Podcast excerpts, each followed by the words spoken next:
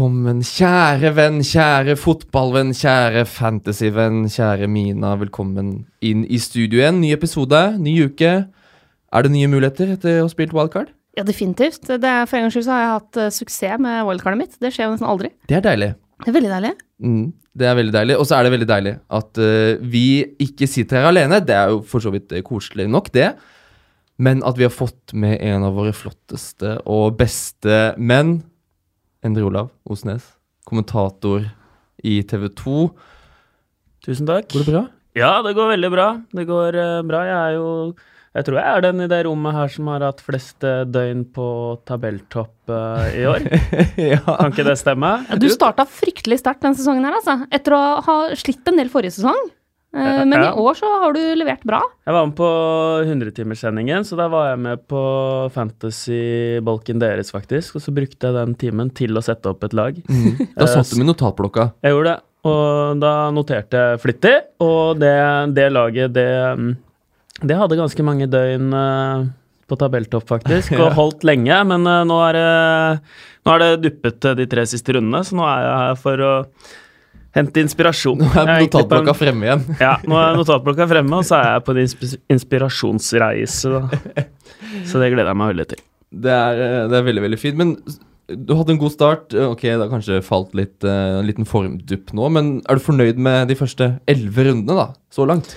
Sett over ett så er det over halv forventning. Det er det. Jeg um, har befunnet meg i en helt annen uh, ende av tabellen enn det jeg gjorde hele forrige sesong. Så det er jeg veldig uh, godt fornøyd med, men jeg, jeg um, blir litt for sånn ukommersiell i tankegangen uh, av og til, så Hva, hva legger du i det? Nei, så, så nå tenkte jeg Nå har alle Aguero som kaptein, uh, Ja. og nå må jeg hente inn her, så da kjørte jeg Barkley som kaptein, og så Ja. så blir det en sånn ond sirkel, da. Men uh, ja. Så jeg skal litt tilbake igjen eh, til, til det trygge. Ja. Men det er, jo ikke, det er jo ikke langt opp. Jeg ser jo at Mina, du er jo bare et hestehode foran meg på tabellen. Mm. For um, hva er målet ditt, uh, Endre Olav? Nå har du, du har 652 poeng totalt hittil. Og uh, hvor vil du ende? Nei, målet er jo har jo lenge vært, og det er jo som Bariås sier, det er liksom å holde seg på, på topp fem, da, så at man uh, kommer seg med på Instagram-bildet på siden deres. Men nå har dere klart å få med større deler av eh, tabellen. Vi gikk noen runder internt. Ja, vi måtte uh, få med så mange som mulig. ja. det er klart at vi har jo et par i, i, bånn som aldri får være med på bildet. Hei, Børrestad. Ja. som eh, ligger helt nederst per nå. Men, eh, men det syns jeg er en fin eh, ambisjon, Olav, å holde seg liksom i topp, toppshoten. Mm. Ja. Jeg også har en policy også at jeg må ha litt sansen for spillerne som, som er der. Mm. Så du er mer en romantiker enn en analytiker? Ja, litt. Man må i hvert fall kunne stå inne for at man har, eh, har alle der. og nå vet ingen hvem eh, favorittlaget mitt uh, er. Det er det ingen som veit. Men uh, Så jeg kan blant annet ikke spille mot dem. Nei. Nei, sant. Det syns jeg blir umoralskt. Ja, fordi det er mye man Det er veldig mye fokus på stats, Mina. Vi skal ha litt fokus på statistikk i dag også. Du er jo analytikeren her. Du er akademikeren blant oss. Ja. Men eh, litt følelser, det må man ha. Ja, ja, og, og jeg brant meg mye på det i fjor. At jeg hadde ikke På slutten der hvor Stoke var nærmere og nærmere Erik, Stoke er jo mitt lag, så hadde jeg ikke samvittighet til å ha kapteiner mot eh, Stoke, for eksempel. Og jeg tapte jo mye poeng på det. For det var det ett lag som slapp inn mye, så var det Stoke. Så ja, men jeg ser litt den, altså, at det er noen spillere som jeg har liksom veldig sansen for, som jeg syns det er fett å ha i laget mitt. Mm. Kan jeg Det få ett eksempel? Mm. Ja, sånn som Arnautovic, da. Ja. Han, det, han har et fint kampprogram og Den feiringa han Ja. har mot Tarkovskij der. Men er det du kombinasjonen, da. Altså, ja, han har et bra kampprogram og er, er god, men han er også utrolig kul Mm. Jeg spiller. syns ikke det er veldig kult uh, gjort, bare så det er sagt. Den feiringa? Nei, Ja, Det er sånn jeg skulle ønske at jeg, når jeg spilte selv jeg Det er sånn jeg, hadde, jeg tenkte på å, det hadde vært kult å gjøre, men jeg turte aldri. Jeg feiga ut. Ja, nei, det syns jeg var litt sånn teit. Men eh, Nei, det må være lov, da. Ja, det å være blytungt for uh, Hvem var det han feira mot? Tarkovskij. Tarkovskij. Ja, ja, sånn er det. Men ja, sånn er det. Han må få ut litt uh, aggresjon, han òg. Må få ut, litt- få ut litt aggresjon. Vi må få ut litt aggresjon og mest glede, kanskje, etter helgens runde. Din skuffelse og helt fra runden som var, Mina? Jeg har en forsvarsrekke som skuffer meg voldsomt. Og det er jo først og fremst at uh, både Mendy slipper inn et dustemål, uh, Robertson slipper inn på tampen, og Alonso uh, slipper inn. Han får med seg en assist, han lander jo på seks poeng, men hadde han holdt nullen i tillegg, så ville det vært en meget pen eh, poengfangst. Men de var ute og beklaga seg på Twitter etter kampen på Ja. søndag. Hashtag 'sorry for the FPL'. Ja, eh, men han veit hva Han det går her, altså. Eh, og så er det jo, Jeg har jo Raheem Sterling som kaptein, så det er vanskelig å komme utenom han som eh, helt denne runden her. Får 42 poeng på det. Men Callum Wilson det var mange, inkludert meg sjøl, som lurte på hvorfor av verden jeg skulle beholde Callum Wilson på wildcard-laget mitt. Hadde en liten følelse av at han kunne score mot United også, og det gjorde han, vet du. Og det er deilig. Han skårer mot hvem som helst, han nå. Ja, i kjempeform. Mm. Din skuffelse slash helt, eh, EO? Eh, det, min skuffelse var jo Barkley, som jeg hadde som kaptein. Ja. Uh, og det gikk rett og slett uh, på ren og skjær formspiller. Formspillere skal belønnes, Mm. og, og det er ofte man følger opp en god prestasjon med en annen, men han fikk to poeng, så det syns jeg var en stor skuffelse. Jeg syns jo oppturen her er jo Richarlison med 15 poeng. Ja, Han du fikk med jo- deg den, ja. han legger seg liksom inn som, en, eh, som et midtbaneanker på grafikken på laget mitt, og så er han egentlig en spydspiss. Da. Brasiliansk eh, landslagsspiss. Gå foran. så at uh, hvis det er noen som ikke har han på laget sitt, så syns jeg det er uh, meget uh, spesielt. Han er faktisk bare valgt av 25,9 uh, se. Meget rart. Jeg er er- en av de ja. som ikke har han. Du er den eneste av oss som har han, eh, EO, så du vant den runden der, altså. Ja. Ja, han eh, må man jo ha. Altså, det, er, det er som sagt den eh, brasilianske lands... Det er en toppspiss. Det er den nye Pelé, hvis dere så kampen nå sist, som er oppført som en midtbanespiller. Ja, ja, På et bra lag, faktisk. Han er ikke den nye Pelé. Jeg, jeg var jo Altså, for de som fikk med seg det på fredag, når vi hadde denne Vi hadde livesendingen i Facebook-gruppa vår, TV2 Fantasy, så snakket vi litt om Richarlison før helga. Du var ikke nådig, Ole Jeg var eh, Jeg gikk hardt ut mot Richarlison. Jeg syns han har sett dårlig ut jeg, når han har vært eh, spiss. Han, han blir for mye feilvendt. Han får ikke produsert noe, er ikke involvert nok. Så jeg, gikk ganske langt til å si at han eh, har mistet sin verdi. Du var vel, du var vel så tydelig at du sa at folk, det er bare å selge? Ja, det var bare å selge men seg. eh, når har du sett han tidligere i sesongen, da, eller er det noe Mm. nylig? Ja, mm, fordi eh, i det siste så har han blomstra litt med um, Når Bernard har kommet inn på laget, på, på venstre kant der, og, og Volcott og Sigurdsson, så fungerer han veldig bra. Ja, for jeg syns jo han har sett farligere ut når han har vært venstrekant Mm. og er mer rettvendt. Får, kan utfordre bekker og stoppere og dra av folk og bruke hurtigheten sin, og da er han mye mer farlig, mer giftig, eh, er mitt inntrykk. Men eh, han eh, beviste at han kan levere som spiss også, så han beit meg i den eh, tynne ræva mi i helga. Min eh, helt er DeAndre Jedlin, altså. Ja, Jedlin, ja.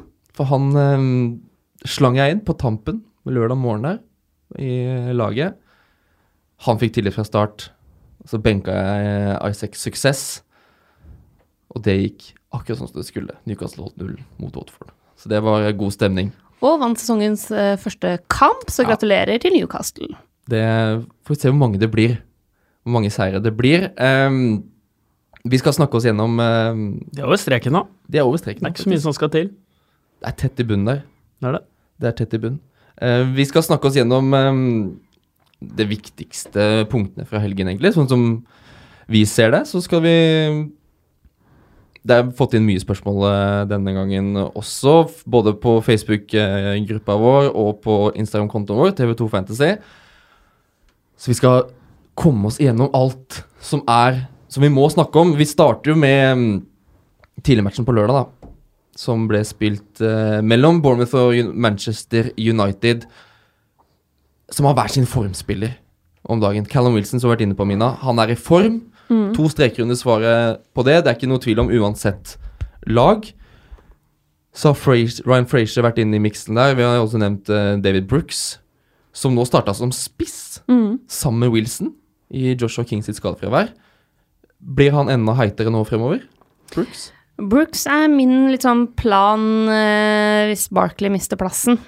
Uh, han er såpass billig, uh, har gitt litt uh, offensive returns så langt, at jeg tenker at det er altså, Til den prisen, da, når det koster liksom 5,1 Mm. i et veldig veldig offensivt Bournemouth-lag, så syns jeg Brooks er interessant. Mm. Definitivt. Og jeg tenker også uh, Frazier Vi har fått spørsmål om det. Det er Philip Reierskog som spør om han burde bytte ut Frazier. Ryan Frazier. Jeg sitter med Ryan Frazier. Jeg kommer til å sitte med han også neste runde og eh, en par runder fremover. For jeg syns han er farlig. Han Det er litt dårlig ballbehandling som gjør at han ikke sett, kommer ordentlig aleine med DGA i starten der. Så han kommer til å også være mye involvert med assist fremover. Så jeg Mm. ser ikke noen åpenbare erstattere for han. Nei, og nå har de Newcastle neste match, så der kan det bli mål. Fraser er en, et godt alternativ. God spiller. Produserer poeng. Kanskje Bournemouth sin, i hvert fall i starten av sesongen, sin klart beste spiller. Mm. Sammen med Callum Wilson også, så bare Ja, Det trenger er ikke å diskutere, egentlig. nye- At det er verdi i han. Så de som sitter med Callum Wilson, er bare å bli sittende. Eh, de som ikke har Callum Wilson, bør de hente han inn nå, Endre Olav? Nei, jeg ser ikke noen grunn til, eh, til det. Nå møter de et uh, kompakt uh, Newcastle-lag til helga, så han ville jeg holdt meg unna, egentlig. Nei, men jeg, jeg er litt enig med Olav. Altså, fordi, eh, altså jeg har jo han, så jeg kommer til å sitte med han. Men nå er det Newcastle, og så er det Arsenal og City. Sånn at eh, Vi venter fortsatt. Jeg ville gjort det. Ja, men bevist det han- skal si Ja, men eh, Newcastle Bournemouth eh, hjemme er mye bedre enn eh, Bournemouth eh, borte, faktisk. Så det er ikke noe vits å hente han inn når de skal til eh, St. James' Park. Newcastle er jo et lag som eh, Vi slipper jo inn færre mål enn Manchester United. mm. Nå har de ikke vært så gode hjemme, da, men, eh, men eh, det kan fort snu nå. De begynner å bli gode hjemme nå. Ja, De de begynner å bli så Ser det i den glasskula Ja. meg her nå. For ehm, Jonas Barrås, din kommentatorkollega Olav, han spør spør hva du tenker om utviklingen til United, mulighetene for poeng der.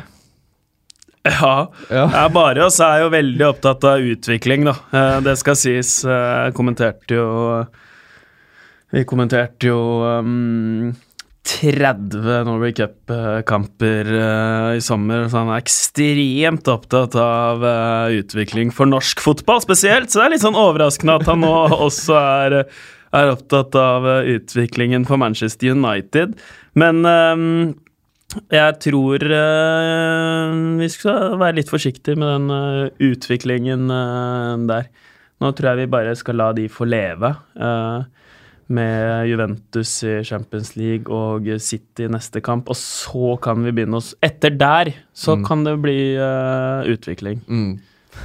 Men uh, ja, det blir tøft uh, nå til uka. Så Barrios mener også at det tørre gressbaner da, er dårlig for utvikling av norsk fotball. Så vi får håpe de vanner, vanner godt, i hvert fall. Vi håper de vanner godt både mot Juventus og mot City. Men en som definitivt har hatt utvikling, og som nå leverer hver eneste helg. Antony Marcial. For en form han er i. Vi har, vi har sittet og tvilt på han et, to uker nå, egentlig. Ja. På om Ja, ok, Var kommer inne det i til å ganske mange av mine liksom? wildcard-utkast. Uh, Han burde det. jo blitt værende.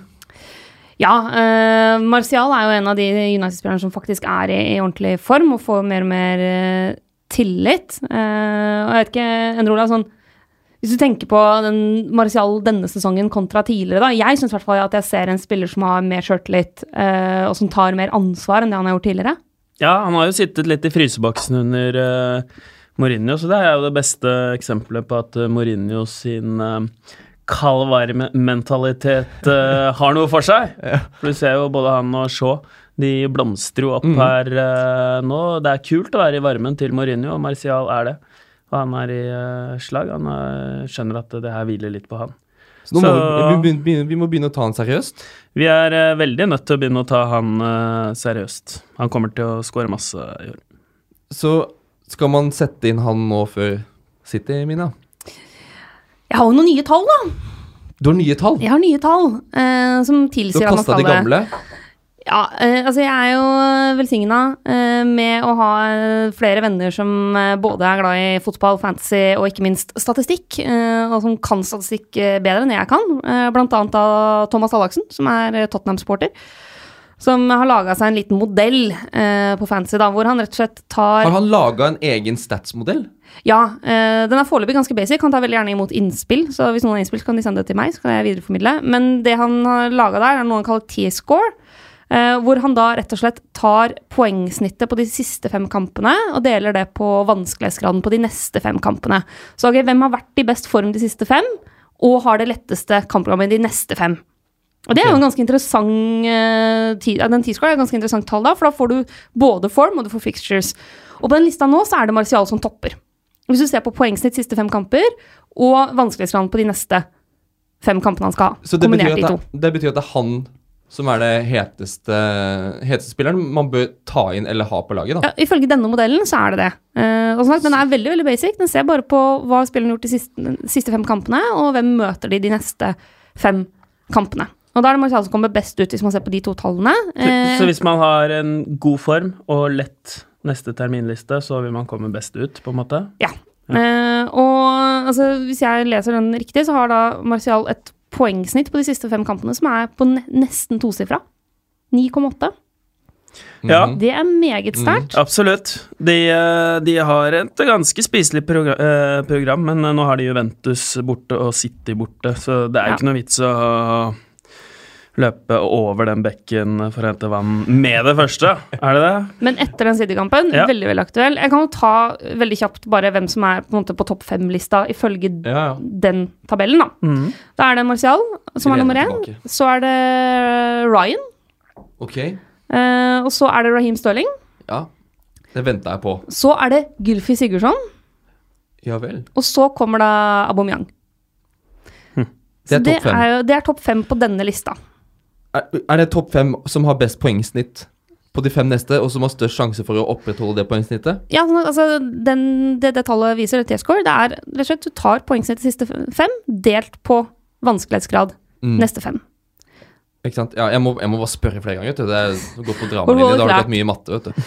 Ja, nei, så Det er en kombinasjon på hvem har gjort det bra i det siste og har et forholdsvis greit eh, kampprogram de neste fem. Ja. Og jeg synes det er, det er litt interessant, og blant annet det at uh, en, en mann som Mm. Gylvi Sigurdsson, da, som Mm. vi har snakka en del om i podkasten i siste, kommer såpass høyt opp der. Mm. Ja, fordi han har Altså, Vi snakka med Richarlison, Endre Olav. Du kommenterte Mm. jo Everton-Brighton. Mhm. Eh, men både Sigurdsson altså det er, det er sånner overalt. Nå. Mm.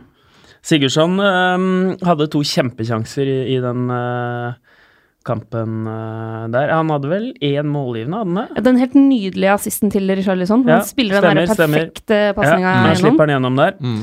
Eh, Det er litt sånn blurry alltid etter man har uh, kommentert en kamp, uh, hvem som gjorde hva. Men, uh, men han var, eh, da hadde han også to store målsjanser, så, så han er jo het. Og han fungerer ekstremt bra på en måte i eh, bak uh, Richarlison, da, med, med Volcott og eh, Bernard på sidene.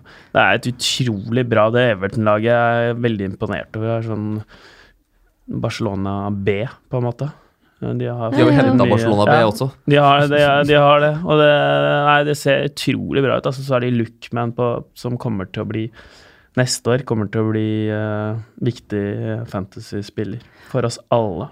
Ja, han ser veldig bra ut. Og hvis vi ser på, på sånn Premier League så langt, da, eh, så har Everton skåra like mange mål som Manchester United og Tottenham. De har skåra Mm. ett mål mindre enn Bournemouth, to mål mindre enn Liverpool. Mm. Så langt. Så det å investere i Everton offensivt eh, Og den, altså, eh, Sigurdsson og Richarlison ser ut, så i hvert fall nå forrige kamp ut som en litt sånn ny superduo. Mm. Uh, og det syns jeg er veldig interessant. Så Sigurdsson er uh, høyaktuell. Mm. Ja, høyaktuell. Uh, Matt Ryan var også på lista der. Mm. Eh, Sigurdsson har jo eh, jeg, tror han nå har like mange målpoeng som han hadde hele forrige sesong. Det har han så langt i sesongen, så han er i, han er i form. Men eh, ja, det var en digresjon. Det er jo Richarlison har jo også noen av de samme tallene. Mm. Um, så at de to gutta er um, på blokka, i det minste, det er det ikke noe tvil om. Ja, det skal de være. det skal de være. Og som jeg prøvde å si, Matt Ryan bør også være på blokka med de tallene du kommer med her, Mina. som en god billigkeeper. De som sitter med Patricio, eksempel, hvor Wolverhampton har begynt å være litt mer shaky nå, Mm. så er Ryan en, et bedre alternativ på keeperplass. Så handler det om skal man prioritere det keeperbyttet Ja. nå midt i sesongen. Men hvis du ikke har så mange andre bytter du skal gjøre, da, og så veit du at Brighton nå møter Cardiff, Leicester, Huddersfield, Crystal Palace og Burnley i Mm. neste kampene, og så kommer Chelsea. Mm. Det er et ekstremt uh, spiselig uh... Kommer blokka fram her. Nå skal en Roland notere. kamp, kampprogram. Det, det skal jeg faktisk. Han øh, Nei, de hadde jo 3-0-seire på rad. Eh, Ryan var veldig uh, god, så nå sprakk de jo mot uh, Everton. Men uh, nå er de litt tilbake igjen med det. Oi, der sølte jeg litt vann. Nå ble, fikk jeg litt overtenning når jeg snakket om Matt Ryan. Men han var skikkelig god i spesielt den siste kampen før de tapte mot Everton. Mm. Men det hører sikkert til forrige uke. Lurer på om vi må tørke her, jeg, nå. Må tørkes. Yes. Må tørkes, og mens det tørkes her, så vi, må bare ta med Richarlison at han Marco Silva uttalte etter kampen at uh, han spilte andre gang med smerter i foten. Mm. Så han skal sjekkes nå eh, under uka, i løpet av uka. Ja, det er sant. Han tråkket obs. litt over øh, Mm. der. Så følg med, ikke gjør noen bytter Nei. tidlig i uka. eh, Selv om Richarlison hadde en kjemperunde. Han vil kanskje Jeg vet ikke, jeg har ikke sjekka sist om han ligger an til å stige i pris, men uansett, vent. Spørsmål her. Hvor, of, hvor Når er det det kommer oppdateringer øh, først på skader? Kommer det ganske kjapt på den fantasy-siden? Jeg stoler ganske lite på den fantasy-sida i utgangspunktet på skader. Altså det, vil si, det er en god indikasjon. da. Hvis folk er røde, liksom, så er de jo stort sett skada. Og hvis de er gule, så er det usikkert. Og den kommer ganske kjapt. Men eh, jeg tar ikke avgjørelse basert på om en spiller er gul eller ikke. Eh, og den prosentsjansen som står der, det tar jeg basert på det som blir sagt på pressekonferansene. Eh, og litt sånne ting, fordi der får man mer direkte informasjon. Så du da. bruker andre kilder? Ja. Det er greit å vite. Det er greit å vite. Det er ofte lurt. Um, apropos Richarlison, da. Så har vi fått spørsmål nå, spesielt fra si, Jan Roger Christensen, er det som har spurt at han Han sier at han prioriterte å beholde Madison fremfor Richarlison. Mm. Skal han krype til korset og bytte om på de to, eller skal han sitte rolig i båten? Og Disse to har vi snakka mye Vi har vurdert de opp mot hverandre frem og tilbake egentlig helt siden sesongstart. Mm. Eh, Madison er eh, 0,2 dyrere. Koster 7 blank. Richarlison koster 6,8. Så da må vi bare få Vi må konkludere med et svar, eh, Mina. Ja. Hvem av de skal man ha? Madison eller Richarlison? Jeg har funnet fram noen tall, da, som jeg ofte har. Eh, jeg har sett på de siste fem kampene, altså fra runde sju og til nå. Eh, og ikke overraskende, når du ser på heatmaps og sånn, så ligger jo Richarlison mer offensivt. Det er det jo ingen som er overraska over. Men hvis du ser på, på måte, de offensive tallene, da, så er det sånn at uh, Richarlison ligger foran på total antall skudd, shots on target, skudd innafor boksen spesielt. Mens Madison ligger veldig langt foran på attempted assists. Uh, men det er ikke så stor forskjell på avslutninger som det jeg hadde trodd. For hvis du ser, så er det totale avslutninger. Richarlison har 13 Mm. på de fem kampene, mot Madison sine 9. Shots on target er det 5 mot 1, og shots i boksen er det 10 mot 2. Så det er ikke så langt unna på total antall skudd, men det er jo vi som ser man, man ser kampene, altså det man vet, er at Madison har en del av disse langskudda, Uh, og så er det jo dø litt innimellom på dødball. Men han har 16 forsøk på assist Mm. mot Richardson sine fem på de siste fem kampene. Mm. Så han har et snitt, Madison, på 3,2 attempted assist per kamp. Mm. Det er forholdsvis høyt. Så det er jo egentlig den her klassiske midtbanediskusjonen, da. Eh, Litt det jeg tidligere har kalt liksom Eriksen-Ally-dilemma. Ja. Eh, At du har med Eriksen, så har du mer en assistspiller, som eh, du veit at sannsynligvis kommer til å liksom levere ganske jevnt og trutt på assister, og så noen skåringer innimellom. Mens i Richarlison så er det målpoenga, altså målene først og fremst, da, som er greia. Så det er på en måte tallene. ja, og da vil du ha Da tenker jeg umid- umid- umiddelbart Du vil ha en midtbanespiller som da er nærmest en spiss å regne. Ja. Som har mye høyere antall skudd i boksen enn utafor. Og som også er litt lavere i pris. Ja, det Er ser, jo sånn ut nå. det ser jo sånn ut nå, men samtidig så er sånn forskjellen totalt er ikke så stor som jeg hadde gjetta på. Nei. Så du heller litt mer i Madison Det kommer også litt an på Nei. hvordan man vurderer Everton versus Leicester, da. Eh, nå som jeg sa i stad, Everton skårer mye mål. Ja. Eh, så det er liksom De er blant de som skårer mest mål. Leicester har de neste fire kampene har de Burnley, Brighton, Watford og Fulham. Mm. Så det er jo ganske spiselige, spiselige tall Mm. for deres del, spiselige kamper. Eh, mens Everton da har Chelsea nå, så har de Cardiff, så har de Liverpool, og så har de Newcastle. Så kampprogrammet taler jo for Madison. Mm. Hvem, Ja. Du er på Richarlison, Henri Olav? Ja, ja, vi alltid har Richarlison uh, på laget, men uh, det er jo klart at uh, Everton kommer til å slite litt i de, i de kampene mot, mot de lagene.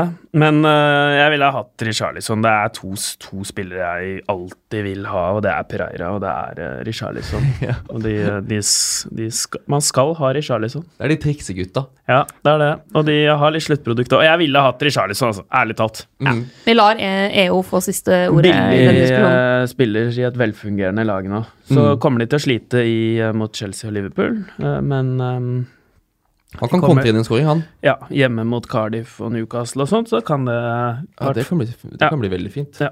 Det, for det ser også veldig fint ut for Leicester sine kamper kommende måned, som vi sa. Og når Birk Rognan spør om vi skal ta ut Vardy, for han ikke klarte å score mot Cardiff engang Han er bare, veldig nære, det da. er, ja, det er ikke, det er, det er ikke Vardy sin feil.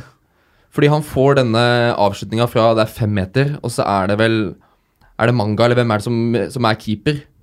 Idet Etheridge har hevet seg ut. Så at Vard ikke har scoring der, er en dommerfeil. Og så brenner han også en stor sjanse alene mot keeper. Så Leicester burde vunnet med mer. Var de på en vanlig dag hadde scora i hvert fall ett. Og så er det også litt vanskelig å vurdere var de basert på den kampen. Vi veit at det her var en enormt følelseslada kamp for Leicester. Mm. første kampen etter at eh, de hadde en forferdelig helikopterulykka. Eh, som de jo bestemte seg for at de ønska å spille, eh, for å liksom hedre han. Så det er klart at det er en spesiell kamp, da. Og det vil alltid være en spesiell kamp. Så jeg ville heller vurdert var på det han har gjort så langt i sesongen, enn bare den kampen mot Cardiff. Mm. Jeg sitter med Vardy Birk, og jeg anbefaler at du sitter med han selv. Jeg sitter med Gray, ja. Ja. Den er fin. ja men jeg satt, hadde den på benken nå. Ja, det er ikke så fint. Det er ikke så lurt. men uh, apropos spillere jeg har veldig sansen for. DeMar Gray, Ja. nydelig spiller. Nydelig spiller. Um, så Leicester har fine kamper, men de har ikke like bra kampprogram som Westham. Fordi det er lite som er bedre enn et lag som har en grønn eng av et program foran seg, og så leverer de offensiv gode tall, og det er gode alternativer over hele linja, som Rune Moen Wilkinson sier, at Anatovic må være et must. Skal man ha Filipe Andersson også? Er det noen aktuelle i forsvar her? Han slenger inn Declan Rice i miksen. Interessant. Anatovic er, vi, er liksom Det er nøff sedd. Han er eh, et beist som er eh, i den prisklassen til rundt syv. Det beste alternativet. Filipe Andersson meldte seg virkelig på nå i helga. Mm. Fristes eh, Ja, han, du han? Han er jo en sånn eh, Pereira Richarlison-type, Ja, han. han er det. Han er absolutt uh, Han har vært på blokka lenge. Han. Jeg syns han er veldig fin å se på, måten han bare sklir rundt der som en eh, isdanser og balanse og utrolig fin spiller fra, fra Serie A. Uh, så han uh, Og nå hadde han fikk kreditert begge målene, gjorde han ikke det? Mhm. Stemmer det. Så absolutt. han, han vil jeg tatt med. Han skal jeg ta med, faktisk. Jeg, jeg skal bruke wildcardet mitt nå. Ja. Han har også nest flest eh, shots on target i forrige runde. Det er Ja. bare Kane som har flere shots on target enn Filip Andersson. Uh, den runden vi nettopp har vært gjennom. Så han begynner å få litt sluttprodukt, han nå. Mm. Uh, og er jo også blant de som tar Ja, tar, mest på, tar mye poeng denne runden her òg, da. Mm. Men det er ikke bare et blaff. Tror vi det kommer til å fortsette? På Hvem snakker vi om nå? Felipe Andersson. Nei, han kommer til å fortsette, for han er en øh, knallgod spiller. Og Westham blir bare bedre og bedre nå. Ja. Hadde innkjøringsproblemer, og, men nå har de begynt å bli kjent ved, med hverandre, og så har de denne grønne engen som du snakker om, da, som bare ligger der åpen, som de bare skal danse i. Og Felipe Andersson kommer til å gjøre det. Finne frem sommerklærne og kakebuksene Ja. og bare legge seg ned i engen. Ja. og Hvile Lite strå i munnen der. Og, ja, det blir nydelig. Vi har sittet med Fabianski begge to, Mina. Alle tre, faktisk. Alle tre, ja. Mm. Er vi, jeg, er litt, jeg blir litt sånn småskeptisk eh, til det defensive Westham leverer, jeg. Når de slipper inn de to. Ja. De slipper alltid inn på dødball, eksempel. De har, det er liksom det, det er ikke, de, er, de er ikke gode defensivt. Nei, de er ikke det. Uh, samtidig så har jo Fabianski vist seg å være en ganske solid poengplukker. Eh, han var jo det også i fjor for Swansea, som heller ikke holdt nullen sånn overvettes mye. Mm. Eh, så, så jeg tenker altså, Jeg er litt der at skal jeg først ha noen defensivt fra Westham, så er det Fabianski. Uh, han får så mye save points og sånne ting også. Ja, Så, det, ja. det tenker jeg òg. Hvis jeg vil ha en keeper, så vil jeg ha en keeper som uh, får skudd på seg. Mm. Som Fabianski Ja. og Matt Ryan. De gutta der. Jeg er helt enig. Men vi hiver ikke inn Sabaleta og Balbuena og Diop. Nei, Jeg gjør ikke det, i hvert fall. Nei. Jeg vil også holde meg langt unna. Um, når vi snakker om eh, Anatovic, så må vi også snakke om Mitrovic. Ja. For Kristoffer Bang eh, bare lurer på hva som skjer med han. Han passerer absolutt ikke noen øyetest heller. Øyetest som vi snakker mye om. At man, eh, de må passere øyetesten. De må se bra ut, de må se farlige ut. Mitrovic gjør ikke det. Nei, Hvis jeg husker riktig, Nora, så er du som meg ganske svak for Mitrovic. Uh, og Ja. har, eh, har et lite hjerte for han, men det har jo ikke vært bra i det siste. Nei. Og um, når han går litt sur, så blir det jo ikke bedre. Han er litt humørspiller, så øh, han uh, hadde holdt meg unna. Jeg syns det er overraskende at det er så mange som har han. Men Mm. uh, nå skal ikke jeg være noe sånn bedreviter uh, her, for det er jeg ikke. Men, uh, men han er litt hypet, da. Det er han. Ja, for han var i fyr og flamme i starten av sesongen. Ja, så var han god i VM. God i VM. Men hva er det som har skjedd, Mina? Jeg har jo noen tall, da, Ja. som jeg jo gjerne har. Nei, jeg har sett litt på Det er det på episoden heter. Jeg har noen tall. Nei, jeg, jeg har sett litt på Mitrovic sine tall eh, fra runde 1 til runde 6, hvor han plukka mye poeng, og da på de siste fem kampene fra eh, runde 7 til runde 38. Og det som er litt interessant, da, eh, er at hvis du ser på de første seks kampene, så har han i snitt per kamp så har han nesten fem avslutninger, to av de on target, eh, 3,2 skudd innafor boksen. Det er respektabelt. Og dette var også den perioden hvor han, han fikk fem mål. Mm. Så hvis vi ser på de siste fem kampene, så begynner det å bli fryktelig mørkt. Fordi da har han i snitt 2,4 skudd per kamp. 0,2 on target. Altså på de siste fem kampene så har han ett skudd på mål. Det er jo helt sinnssykt. Det er veldig, veldig svakt sammenligna med tolv avslutninger Mm. på mål de første seks kampene. Så her er det helt åpenbart at han, han var i veldig, veldig god form, og så har det dabba noe voldsomt av. Eh, Og det skyldes jo også at altså, Fulham er jo inne i eh, nesten dødens dal. Altså, det er i hvert fall en Mm. Det er nesten så de treffer Jon Foss inn i den grotta der. Mm. Fordi det er, det er så mørkt. Det er så mørkt nå for Fulham. Det er det, altså. Eh, Så det er bare å komme seg unna, er det ikke det? Altså Når man spør hva har skjedd med Mitrovic, så er det, det er ikke bare uflaks. At, for av og til så kan det være at spillere er inne i perioder hvor, hvor ting bare ikke går inn. Eh, hvor det er veldig veldig stang ut. Mm. Eh, men basert på tallene så er det ikke det vi snakker om med Mitrovic her. Han er rett og slett i veldig mye dårligere form. Han skyter mindre, han er mindre presis med skudda sine. Eh, og er, har mye lavere sannsynlighet for å score mål de siste fem kampene enn det han har hatt tidligere. Ja. Tillegg til at han spiller på et lag som eh, fungerer dårlig om dagen. Veldig. De kom inn i Premier League med litt ny giv, og så nå funker det dårlig. Og, og det er jo den dalen du snakker om òg, som de skal inn i også nå. De skal Mm. jo inn i en dal, faktisk. Ja. Ikke bare er de der, men uh, nå er det Liverpool. De er ikke på bånn ennå. Knalltøft uh, kampprogram. Så um, Det er sånn Liverpool borte, så Southampton hjemme, og så er det Chelsea, Leicester og Manchester United. syns ikke man skal ha en spiss uansett, det, fra et lag som ligger eh, i bunnen av tabellen. Nei, det er en fin dom, det. Det en fin dom. Bare hoppe av eh, over i livbåtene og la syp, eh, sypet skinke. Ski, skipet synke, heter det. Um, når jeg så Arsenal-Liverpool på lørdag, så tenkte jeg etter matchen Åh, det kunne vært så mye bedre, altså. Hadde den kampen vært spilt i morgen, så hadde Salah og Mané fått målpoeng. Uten problem. Begge Det er veldig liksom- nære.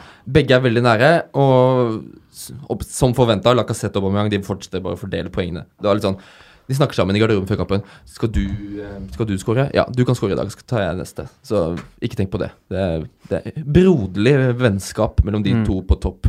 Så det er, jeg føler det er ikke så mye å snakke om akkurat der. Bare la de holde liksom litt sånn arbeids... eh, vanlig dag på jobben, eller en dårlig dag på jobben, for, eh, for de. Lacassette eh, fortsetter å skåre mål, det er fint. Men Martin Varvik spør oss på Instagram Skal han bytte ut Roberto Firmino. For Firmino er vel den som er Han er langt unna nå. Mm.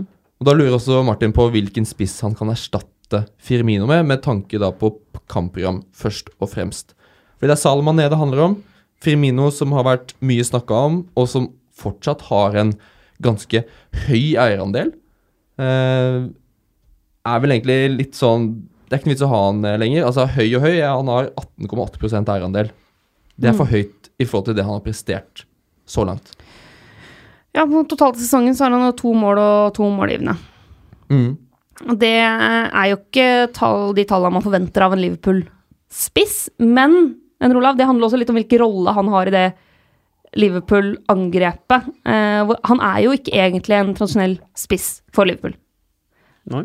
Så ja, nei, jeg- jeg skjønner at folk begynner å gå lei. Ja, du snakker om Firmino, ja. ja jeg, skal være litt, jeg fikk jo refs etter jeg var her på Premier League-podkast og mente at Firmino ikke var en internasjonal toppspiss. Eh, Men eh, han er i hvert fall ikke en sånn fantasy-toppspiss. Nei, det er han ikke. For nå spiller han jo sentral midtbane. Mm. Og det er Sala som spiller spiss. Som er Han gjør en eh, knalljobb for laget, og det er som eh, Eh, Mina sier, han, uh, nei, Ja. han, uh, han gjør, har en annen rolle. Her må vi ha, ha de som scorer mye. mm. Så når Firmino bare tok det så langt tilbake, det, da er det bare å hive ut. Mm. Men hvem hiver man inn? Jeg, jeg tenker, altså, det er to spisser som jeg tenker er aktuelle i liksom samme prisklasse, litt billigere. Det er jo Jamie Vardy, og så er det jo Alvaro Morata. Den glemte Eh, spanjol. Den glemte spanjol, som jo nå faktisk eh, har begynt å levere litt igjen. Mm. Han har jo hatt en periode hvor han har Du har bare sett på hele fyren. Du- Av og til kan du se hvor dårlig sjøltillit spillere har. Mm. Altså, du kan bare, det bare lyser lang vei. At de har null tro på at de kommer til å skåre mål. Eh, men nå har Morata skåra i, i to kamper på rad. Han har fire mål på de siste fire seriekampene. Mm. Uh, hva, hva tenker vi om han egentlig? Er, er han plutselig et alternativ? Ja, han er et alternativ. Men jeg vil se for meg at det roteres litt uh, for Mm. mye uh, der. Og inne i de der torsdagskampene og sånt. Men, men det er klart at han er et spennende, spennende type. Han er jo en fin spiss i utgangspunktet. Veldig, men han er veldig, han er skjør og han er avhengig av selvtillit. Men nå har han den selvtilliten. Så um, bra alternativ. Ja, for det er det man klarer å stole Jeg klarer ikke å sto- stole helt på han. Men du, stole, men du stoler på Jamie Vardy. Jeg stoler mer på Jamie Vardy. Med å være Han er frontspiss nummer én. Han tar straffer. Det er ikke noe tvil. skal jeg fortelle deg noe? Ja, gjør det. Eh, Få høre nå. Siste fem kampene Ja. så ligger Morata foran Vardy på alle offensive stats. ja. Jeg stoler fortsatt mye mer på Vardi. Det er jo litt fordi at eh, laget Laget fungerer uh, veldig godt rundt han. Uh, Altså Hadde Vardy spilt for Chelsea, så hadde Ja. jo også han ligget foran på alle offensive stats. Ja, men han gjør jo ikke det. Vi, når vi skal velge spillere, så må vi jo basere på hvilke lag de faktisk spiller i. Ja, det er det er. Hadde Vardy spilt for Chelsea, så hadde han vært et kjempealternativ på fantasy. Det er ikke, ikke tenk på det. Jo, men det er greit, men Vardy har, han har starta de siste tre. Han starta mot, uh, mot United hjemme der, og så har han fått starte de siste to og fått spille, fått skåringer. Giroud har vært skada. Mm. Nå er han meldt tilbake til Europaligaoppgjøret på torsdag. Mm. Og frisk igjen til da. Med en gang Giroud er inne igjen der, så kommer de til å spise minutter av hverandre. Mm. Og hvis man skal vurdere Morata i det hele tatt, så må man i det minste vente til den torsdagsmatchen for å se hvem som er den som starter der. Ja, ja. Jeg syns bare det er interessant, da. eh, at du ser Det er interessant, det er eh, Altså, det er Det er 16 bra nok. avslutninger mot 10, det er 9 shots on target mot 5, det er 14 shots in the box mot 11. Ja, Men hvor mange sjanser trenger Morata da for å skåre? Det er mange, altså. Han ligger veldig jevnt på altså Han har skåra fire mål på de siste fem kampene, og han har expected goals på 3,92, eh, så han treffer ganske godt, egentlig, på det Ja. han burde skåre, på de sjansene han får. Skulle jo Eh, hatt hat trick der òg. Ja, ja, han skulle hatt hat trick eh, nå sist. Men altså, jeg ser poenget med Giroud. Uh, altså, en frisk Vardy spiller. Sar ja, Sarri sa jo, hvis vi skal gå til eh, manageren så hans, så sa jo Sarri Men det er to runder siden at uh, han var fornøyd med, med Morata, men han, han skårer ikke nok mål. Skulle, skulle ønske han skårte mer. Og nå har hun jo begynt å skåre. Så får man se om Sarri som vi Men det var etter han hadde skåret. ja, ja, ikke sant? For Sarri er jo den typen som bestemmer seg for en elver, så spiller han den elveren. Mm. Og Morata har klart å klore seg fast på toppen der. Jeg er ikke sikker på det, altså. Nei, og jeg er enig i at man må vente til etter Europaliga-kampen. Uh, og det er klart, en ting, dette er de, nå er det tall fra de siste fem kampene. Uh, Mm. Og ja, Vardy har vært litt skada, men har fortsatt, eh, de har spilt ganske jevnt med, med minutter. Eh, Vardy har vel faktisk spilt eh, litt mer på de siste fem kampene totalt, fordi eh, Morata jo ofte har blitt uh, bytta inn. Mm. Eh, det er jo ja, han, han har, På de siste fem kampene så har han tre kamper fra start eh, og to kamper som innbytter. Ja. Eh, og jeg skjønner det at hvis man skal se på på en måte ikke bare de siste fem kampene, men mer generelt, da. Hvilke av de to spissene er det som har bevist over tid eh, at de kommer til å levere jevnt og trutt? Var det helt klart? Men hvis Morata klarer å klore seg til den spissplassen i et sånn høytflyvende Chelsea-lag som skårer mye mål, og med en Eden Hazard som nå er tilbake fra skade, som er in the form of his life, Mm. uh, å leke med der, Mm. så, så syns ikke jeg man skal avskrive Morata, altså. Eh, 8,8 koster han. Ja. Det er 8,7 nå, tror jeg. Hva ligger var de på? Ligger på 9 blank. Og begge har forholdsvis lav eierandel, mm. så det blir, jo en, det blir jo en liten joker her uansett. Så um, Begge er gode valg. Jeg hadde gått for Vardy. Så er ikke du enig med meg, Mina, så EO, jo hvem hadde du gått for? Var de. Vardy. 2-1 Vardy. Jeg er jo litt skapsfanol, vet du. Ja, du er det. Um, altså, det store, den store festen, det store høydepunktet, den her det er Manchester City. Uff a meg, altså. Altså, de Pep Guardiola han bør ta med seg troppen sin til Wien sånn rundt nyttårsaften. Droppe det juleprogrammet, så kan han ha nyttårskonserten fra Wien først nyttårsdag. Fordi det er altså maken til samspill og den symfoniorkesteret som bare slår ut i full blomst. Det er helt vanvittig. Og greit, det er Mark Hughes og Southampton er ræva, men Manchester City er Altså, det er, um, er 18-årsgrense snart på det de leverer. Ja, det er det. Ekstremt mange strenger å spille på i det orkesteret Yes. der. Ser veldig harmonisk ut, og det er Det er uh, som musikk i, um, i ørene. Altså, det appellerer jo til alle Ja, det appellerer jo til alle sanser, da. Uh, for å si det sånn. Så um, man må kanskje ha litt uh, Man må ha noen derfra. ha noen derfra. for å si det Men hvem, hvis man må ha tre, hvem må man ha da? Ja, for det, det er kommet mye spørsmål om City, naturlig nok. Men Mina, først skal du få si hvor deilig det er at kapteinen din er den spilleren som får flest poeng i selve runden, og som har fått flest poeng hittil i sesongen. Altså, det er den beste følelsen i verden. Ja. Å treffe så til de grader på kapteinsalg. Spesielt etter at uh, jeg ikke fikk lov til å ha Sala som kaptein forrige runde og tapte 30 poeng der. Ja, altså, jeg, jeg har jo det er noen Beklager kanskje, familie og venner. Men, noen vil eh, kanskje si at jeg har et litt eh, trist liv, men det, den er når det liksom virkelig sitter med kapteinsvalg på fantasy. Det er en sånn, der, det er en sånn lykkerus som er vanskelig å få andre steder. Eh, Så det var konge. eh, Og Stirling eh, Narsissisten i deg bare får så mye bensin det er så deilig å treffe på det. Ja, ja, ja. Men Stirling er i kjempeform. eh, og mindre rotasjonsutsatt eh, denne sesongen enn tidligere. Mm. Bare, vi kan bare starte på spørsmålstrekket her. Åsmund Theisen. Stirling.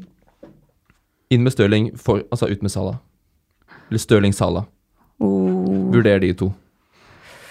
Oi, oi, oi. Eh, jeg har jo begge. Ja, Eh, det vil jeg anbefale, da. ja. Men ikke, ikke tenk på deg selv nå, for en gangs skyld. tenk litt på Åsmund, Som ikke har som må velge.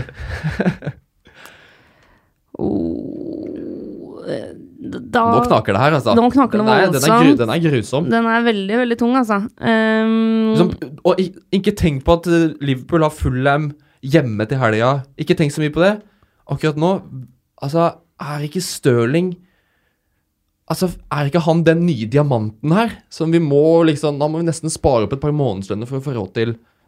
Men vi ikke trenger å gjøre det, fordi man har Salah. ja. Altså, hvis man ikke har, hvis man ikke har eh, City offensivt ellers, Mm. så ville jeg fått inn Stirling istedenfor Salah.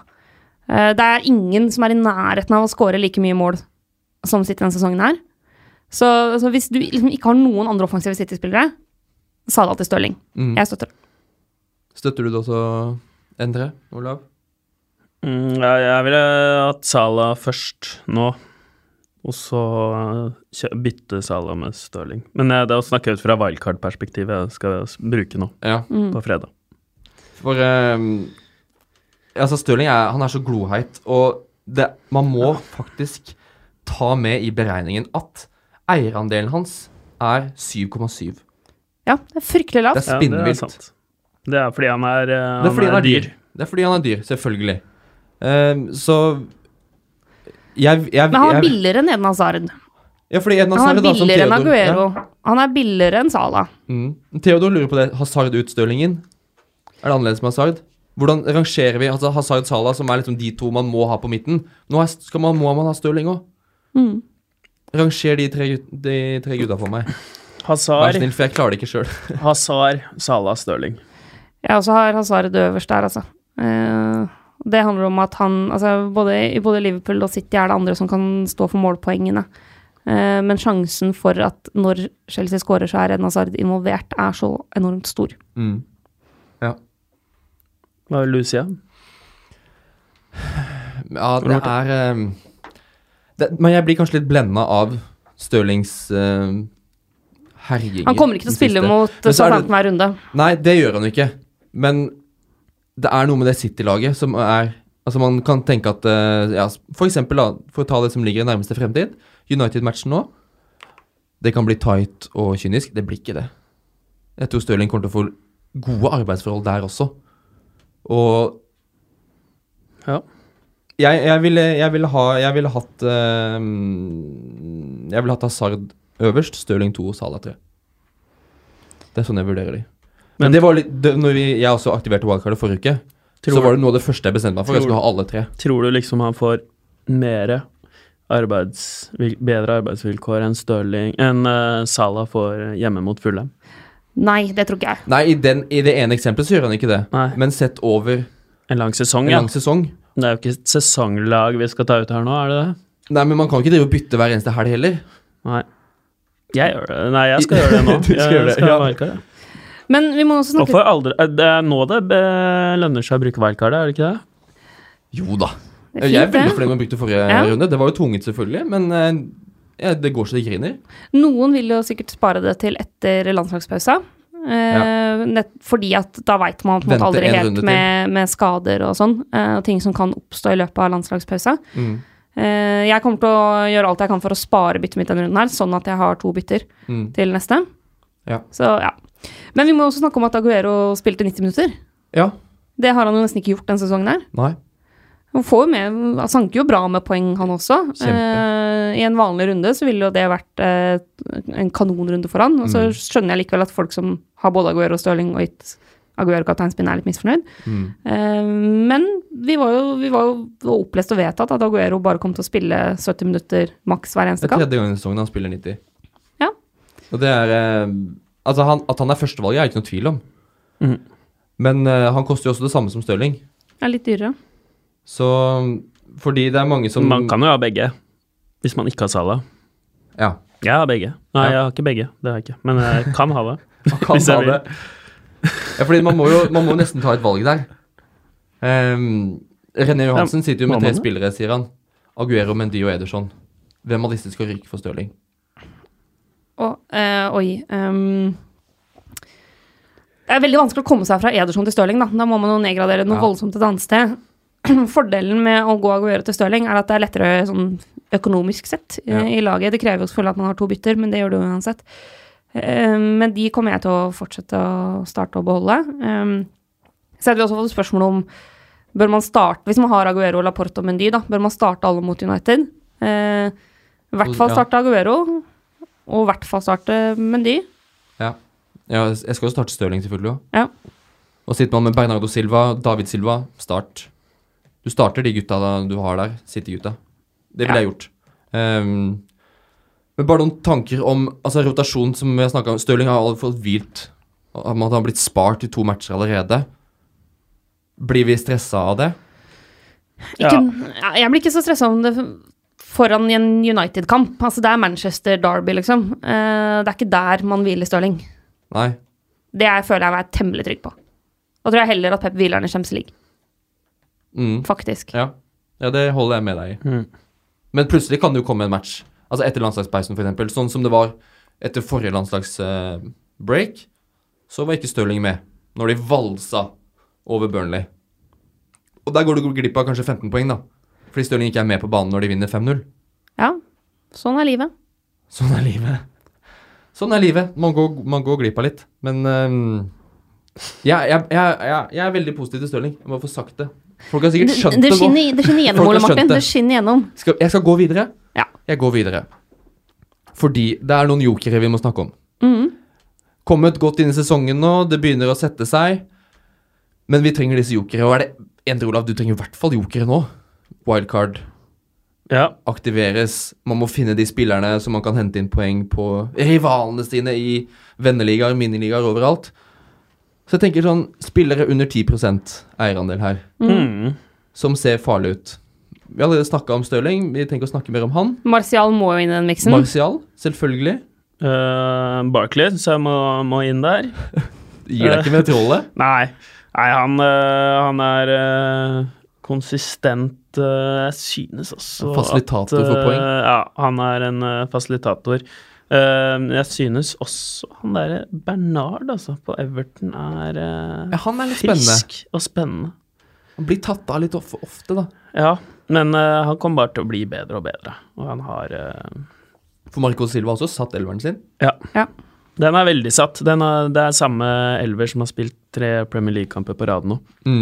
Så um, Det er et spennende valg i den prisklassen man uh, ofte ikke finner gode Kanskje- alternativer. 5-9 koster han. Og Dign og Coleman òg, hvis vi skal holde oss i uh, ha offensive backer. Det er det laget som Altså, du finner knapt et lag som slår mer innlegg, tror jeg, enn Everton. Lucas Dean har også jeg faktisk eh, notert meg. Mm. 1,7 Han er den, og han er den som Det så jeg faktisk, sånn apropos tall. Uh, jeg leste meg opp til forrige kamp, da han hadde slått 20 flere innlegg enn sin neste lagkamerat i Everton. Og, han, og den har ikke minket, Nei. den differansen her. Så han slår mye innlegg, da, Ja. eh, og kommer veldig offensivt. Mm. Så kanskje han For Baines har vi ikke sett på lenge. Nei. Han kommer vi ikke til å se Nei. med det første heller. Så Lucas Dean, spennende. Meget, meget spennende. Felipe Andersson er jo 2,8% eierandel. Den er altså frisk. Mm. Mina, har du noen spesielt nærme hjertet ditt? Skal du si Eh, Morata nå? Jeg, har jeg har lyst til å slenge inn Morata, altså. Eh, som sagt, man må vente til etter torsdagen, men, eh, men en eierandel på under 3 Og hvis Ja. han faktisk tar den spissplassen, skal spille spiss i et topplag i flytsonen, eh, som er liksom blant mål de som scorer ja. mest altså, Det er bare Manchester City som scorer mer mål enn Chelsea. Så hvis, Jeg hører hva du sier. hvis Morata faktisk eh, tar den spissplassen, Ja. Eh, så syns jeg det er interessant. Det koster 8,7. Mm. ja, det er nydelig. Jeg må Ja. få lov til å slenge inn den. Ja, men uh, hva, hva tenker dere om, om Murray? ja? Ja, jeg har Lett kampprogram og skårer jo Han skårer over halvparten av målene Mm. til laget sitt. Jeg tenker de som sitter med Mitrovic, og Mm. Wilfred Saha for den saks skyld. Alle snakker om Arnatovic. Han må på. Og hvis du, for eksempel, hvis du har han fra før, så er det jo på en måte Da mener jeg Murray er en perfekt sånn en liten eh, bakside bakdøra der, som du kan gå inn i. Mm. Der kan det være skjulte skatter. Mm. Og det er en sånn eh, risk, eller en sjanse man må ta, samtidig som man ikke forventer å få så mye igjen. Hva forventer du å få av Glenn Murray, som spiller i Brighton? Det er ikke mye. Så når han får den skåringa annenhver, kanskje hver tredje match, Mm. det holder i massevis, det. Det gjør det. Det er bare hyggelig. Kan man heller styrke midtbanen sin. Det er det jeg kommer til å gjøre nå. Styrke midtbanen og forsvaret, faktisk, og så ha de litt billige spissene som faktisk skårer. Han produserer jo Glenn Murray, altså. Mm. En liten til også. Eh, altså nå har jo Erik Lamela starta de tre siste kampene. Han er eid av 1,1 Det er, det er eh, skatter. Han koster 6,7. Er skattelette. Ja, men Han koster, han koster 6,7, eid av 1,1% og starta de tre siste kampene for Tottenham og møter Crystal Palace neste Ja. match. Ja, ja, Man kan fint vurdere Lamela nå som Christian Eriksen og Dele Alli har blitt sånne ligacupspillere som hviles i ligaen fordi Pochettino skal vinne trofé. Ja, Det er jo tullete. har jo også Lamela vist at han kan fint eh, få målpoeng sjøl om han uh, kommer inn som innbytter, han. Mm. Ja da. Så det har vært å kaste inn. Og så en City-spiller som frigjør litt uh, i budsjettet. Uh, David Silva. 8,5 koster han. Mm. Eid av 7,4 Mm. Eh, Så hvis man ikke har råd til Stirling, da, Ja. så syns jeg det er eh, interessant, eh, en interessant mulighet. Ja. En god, god mann. Ehm, det, jeg synes det er deilig at det er flere av litt disse rimeligere spissene som ehm, Mm. seiler opp. Det, er, ehm, det var jo den taktikken vi gikk for på wildcardet, Mina, begge to. At vi la masse penger i midtbanen og en del i forsvar. Og så kjører vi billige spisser Ja, på topp. Spissparet mitt er Kevin Wilson og Arne Outwich. Lever fint med det. Ja, det var en fin helg. Det er jo digg, da, fordi man har jo liksom spisser i midtbanen. Ikke sant? Tenk litt litt på det. godt, Godt observert. Tenk litt på den. Tenk litt på den, du. Spissene finner du på midtbanen. Kan det jo- kan det være en sånn overskrift hvis det skal legges ut den podkasten her? Ja, Spissene finner du på midtbanen. det er, det er fin, det er en god tittel. Ja. Skal jeg ta den med videre? Det er det jeg pleier å si når jeg ikke syns innspillet er noe godt. Jeg skal syns innspillet er godt, jeg. Jeg syns innspillet er godt. Ta det med videre. Jeg skal ta det med videre. Jeg skal ta det med Skal videre sjekke- sjekke inn det? i kapteinstankene uh, våre. Jeg skal avslutte med det. Det er vel uh, ett navn som gjelder. Er vanskelig å komme utenom Mohammed Salah hjemme mot Fulham, altså. Jeg tenkte Mitrovic, jeg, men ok. Mohammed Salah, Sadio Mané, Liverpool generelt. Ja, hjemme mot Fulham, Ja. det, det er jo klart, altså. altså de har sluppet inn 29 mål Mm. på 11 kamper. Altså, det er nesten, det er nesten tre mål per kamp, det. Ja. Så det, det, blir, det blir nok Salah for min del, altså. ja. De, de som står uten Salah og står med Sadio Mané, Ja, gå bare for det. kapteinen Sadio Mané, i den Arsenal-Liverpool-matchen så er det jo Mané som blir frarøvet en scoring. Og selv om Salah også er farlig, så syns jeg Mané er minst like, like giftig. Så han er også et ypperlig kapteinsvalg. men ikke gå på en sånn Robertson van Dijk-kaptein. Ikke gå på Ikke? en forsvarskaptein. Ja, Det er mange som har tenkt det med Alonso Mendy på hjemmebane, som Mendy nå eksempel hjemme mot Southampton, men så slipper de inn et tullemål. Dritirriterende. Liverpool slapp inn mot Cardiff. Og tror du, altså, da, spilte jo ikke Robertson i det hele tatt, så det er jo hellig uhell for de som ga kapteinspinnet til han. Men du veit aldri når det kommer en sånn der dårlig dødballskåring, altså. Så hold på Salah og Mané. Også Aguero og Stirling må nevnes. United har holdt null én gang denne Ja. sesongen. Så at det blir 0-0 der, det, den ser jeg ikke i det hele tatt. Men du kommer ikke til å tørre å gamble på det. Ikke når Liverpool møter Fulham. Det er greit. Det gjør jeg ikke. Hvis man ikke har Liverpool, Eden Hazard mot Everton. Everton er et artig lag, men eh, Hvis du ikke har er- Liverpool, så setter vi Liverpool. Ja, men det er mulig, å, det er mulig for en mann som Eden Hazard å skåre mål mot Everton på hjemmebane. Det vil jeg påstå. Absolutt. Um, sier jeg helle litt kaldt vann i årene til uh, Gjør med Vardi som uh, kaptein neste runde. Mhm. Jeg tror jeg kan uh, slå veldig heldig ut, faktisk. De Hjemme har- mot Burnley. Ja. Det er en Burnley kamp som er passer ham perfekt. Ja. Burnley er jo som en sil bakover der. Bare stikke i bakrommet i den kampen her. Mm. Rive og slite litt og ordne og styre. Ja, nei, jeg ser Du kan jo Ja. helle litt enda mer sånn isvann i årene dine, mine, Så sier jeg Anatovic bort mot Huddersfield. Ja. Det er, noen, det er noen friske alternativer denne runden her. Ja, Sala er åpenbar, men du er finner ikke- noen godbiter eh, litt Ja. lenger borti kroken nå, altså. Det er ikke alltid det åpenbare er uh, det helt opplagte, altså. Nei. Det er ikke det. Ref Harry Kane mot Cardiff. Da blir det ikke så enkelt som jeg hadde håpa på, da. Filler nå, altså. Det, ja ja. Ja ja. Tilbake i tenkeboksen. Tilbake i tenkeboksen. Tenkeboksen den eh, har vi jo noen dager å kose oss i, fordi det skal ikke spilles før Premier League-fotball, i hvert fall før eh, helga. Det skal være Champions League, Europaliga før det. Så vent med byttene dine, min gode venn. Ikke gjør noe drastisk. La den europeiske fotballen uh, rulle av gårde før du titter på laget ditt.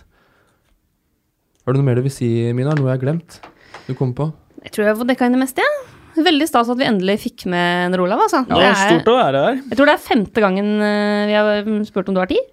Ja, det, det var eh, ekstremt eh, hyggelig. Det kom jo Jeg har aldri vært førstevalget på den podkasten her, fordi de, de invitasjonene jeg får, kommer jo rett før dere skal ha sending. Men, eh, men nå fikk jeg faktisk en tidlig invitasjon, og så så tror jeg faktisk at jeg kommer til å klatre litt på tabellen. Og jeg er jo ikke, jeg er 22 poeng bak uh, deg, Mina. Mm. Og, så det er på en måte Du er targetet nå. Du er på den topp fem-lista, av og ja. som er viktig å være på for Instagram. Ja. eh. Jeg tror vi skal begynne med topp fem på Insta igjen. Mm, gjør det. Det er gøy. Så blir det en sånn intern uh, dragkamp. Jeg ligger jo og koser meg på andreplass, så det går fint. Så Remi. André Taule der, da. Han er jo oppe på en topp tre. Ja. Rettighetsmannen. Det blir neste Mm. mål for eh, deg Jan Olav, når du klatrer forbi meg. Ja. Opp på pallen. Opp på pallen. Jeg håper du kommer deg opp på pallen også i løpet av runden som kommer. Etter uh, helgas runde så er det jo landslagspause igjen. Så da blir det en liten pause herfra også. Så gå inn på Facebook og Instagram hvis ikke du har gjort det allerede, og så følger du oss der. TV2 Fantasy heter gruppa vår, heter vi på Instagram og alt. Enn Olav, tusen hjertelig takk. Selv takk. Det Takk var en ære og en glede. Takk for at eh, du var her, Mina. Hyggelig som alltid. Og takk for at jeg også var her og fikk slippe til. Det var eh, hyggelig, Håkon. Takk skal du ha. Så eh, Hvem er det takk. Håkon hadde gått for som kaptein av? Kan jeg bare Ja, vi tar Håkon spolere avslutningen litt? Jeg spiller ikke fantasy, så jeg har ingen peiling. Nei! Ai, ai, Men han har peiling på lyden. Så takk for eh, samværet, Håkon. Takk for episoden. Takk for at du hørte på. Lykke til med uka og livet og helga som kommer. Vi heier på deg. Takk for nå.